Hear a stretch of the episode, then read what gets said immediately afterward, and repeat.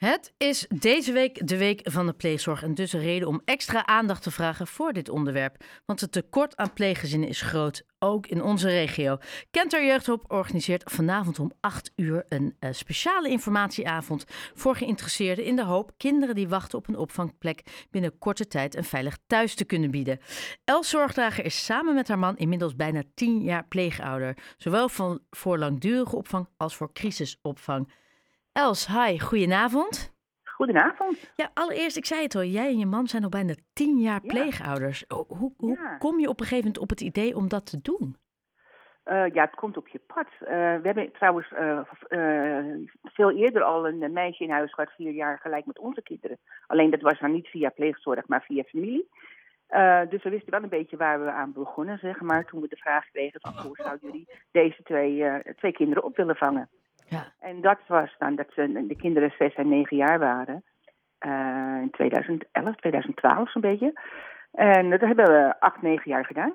En die jongetjes zijn hier opgegroeid. En eh nou, één is echt uitgevlogen op kamers en de andere is eh, gezellig eh, naar zijn papa toe. hoe, hoe mooi is dat dat je dan dat je zoiets kan bewerkstelligen, dat jij daar kan, dat jullie daar kunnen zijn en dat op het Nou moment ja. dat, je dat, ne dat, dat je dat negen jaar doet, dat hij daarna weer terug kan naar zijn vader en die andere op zichzelf echt een mooie, zelfstandige jonge man is geworden. Ja, ja zeker. En ehm, eh, ja, goed, je, wordt- je wordt wel gewoon blij van eh, het feit dat eh, als die kinderen goed terechtkomen. Kijk, ze hebben toch allemaal een rugzakje. Ze hebben toch traumatische ervaringen. hebben het gewoon, staan gewoon, ja, en het zwaarder zijn moeilijker. Je bent moeilijker in het leven dan eh, kinderen die eh, heel beschermd opgevoed worden. Dus het kost, eh, nou ja, soms ook best wel wat, wat zweet en tranen om, om die jongens te begeleiden. Ja. Maar als het dan lukt, als je vorig jaar hebben we de, de oudste zijn mbo-diploma gehaald, nou dan ben je eigenlijk net zo trots als op je eigen kinderen. Ja, is Want er, het is, het is allemaal gelukt. Ja, en want, want hè, jullie hebben zelf kinderen. Je hebt inmiddels ook een heleboel aardig wat kleinkinderen. Ook nog. Is ja. er een verschil in opvoeding? Is er een verschil in liefhebben? Hoe, hoe werkt dat? Want als ik je nu hoor over het MBO-diploma, klink je net zo trots alsof het precies wat je zegt je eigen Ja. kind zou zijn. Ja, zeker. Ja, ik, ik, ik vind eigenlijk heel- misschien in de, in de toekomst wel. Ik bedoel, eh, in de loop der jaren dat het wel anders is, omdat je op een gegeven moment pleegkinderen weer uit het oog verliest. En dan neem je natuurlijk afscheid van.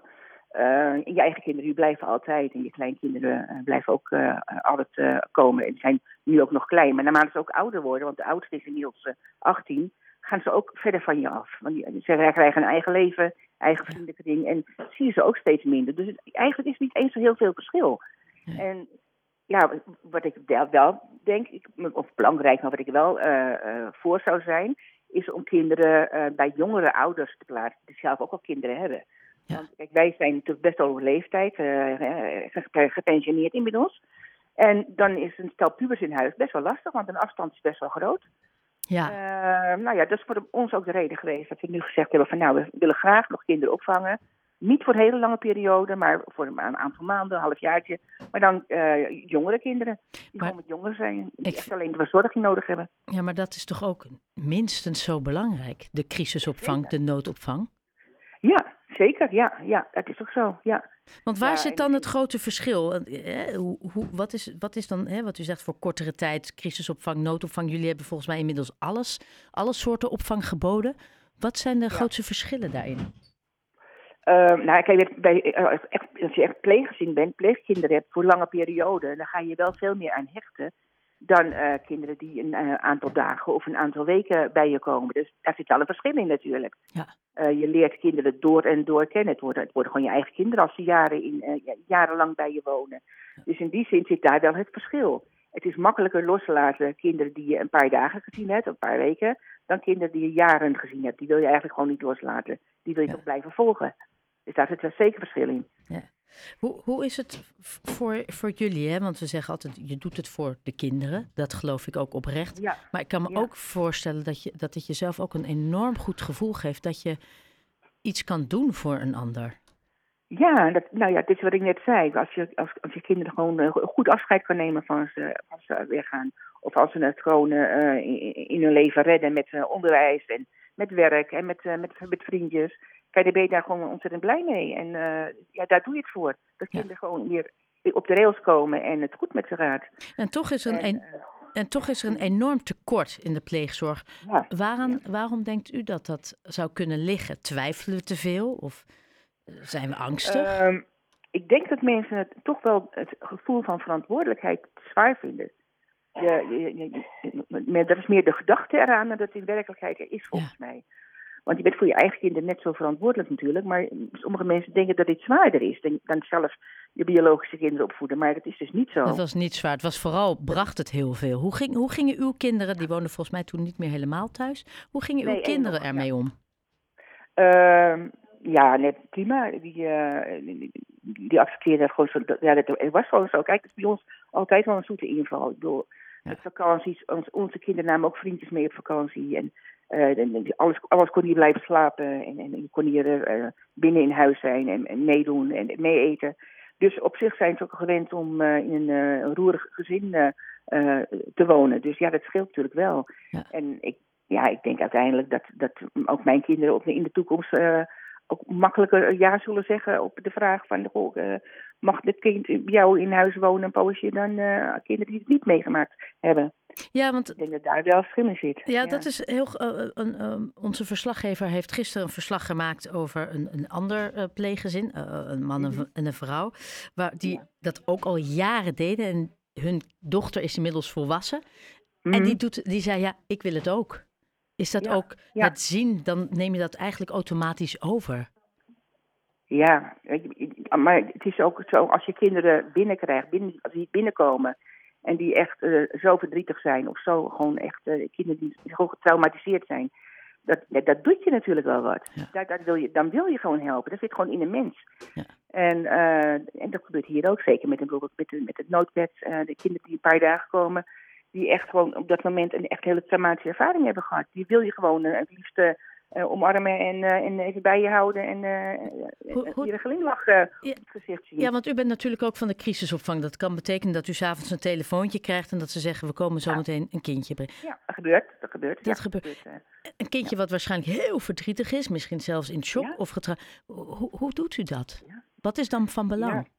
Nou, ik, ik ben iedere keer weer verbaasd hoe eh, rustig de kinderen eigenlijk zijn. Want eh, we, we hebben wel eens een keer een, jongetje opgehaald die echt gewoon echt heel erg boos was. En echt, aan het schoppen en slaan. Maar als ze dan kwamen hier, dan waren ze eigenlijk heel rustig. Dan zeiden we achteraf van, goh, wat is nu eigenlijk het probleem? Het is een lief rustig kind.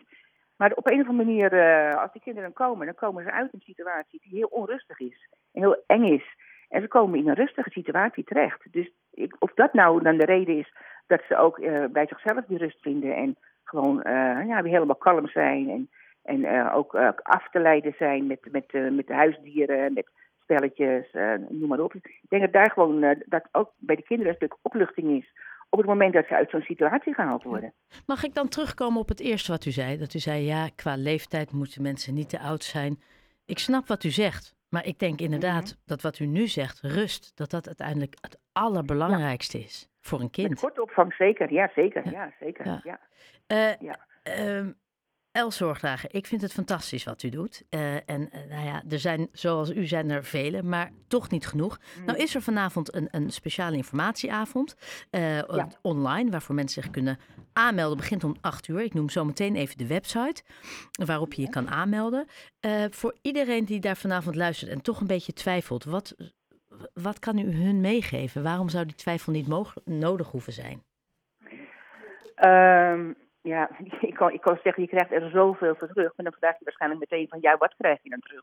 Maar gewoon de liefde, de dankbaarheid van de kinderen die uit hun ogen stralen. Ja, dat zegt toch zoveel. En eh, verwacht, verwacht ook niet eh, van een kind dat hij eh, het einde van de, de, de pleegperiode jou dankbaar is. Want dat, dat zullen ze ook nooit zeggen.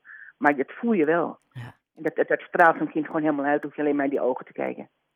Ik vind het prachtig mooi. Voor en ieder die eh, eh, meer wil weten, vanavond om 8 uur eh, is de speciale eh, infoavond. Hij is er elke maand, maar nu doen alle instanties mee. Je kan je opgeven via openjewereldnh.gmail.com. En mevrouw Zorgdager, heel erg bedankt voor uw mooie verhaal. Dank u wel. Ja, graag gedaan. Dank je wel. Dag.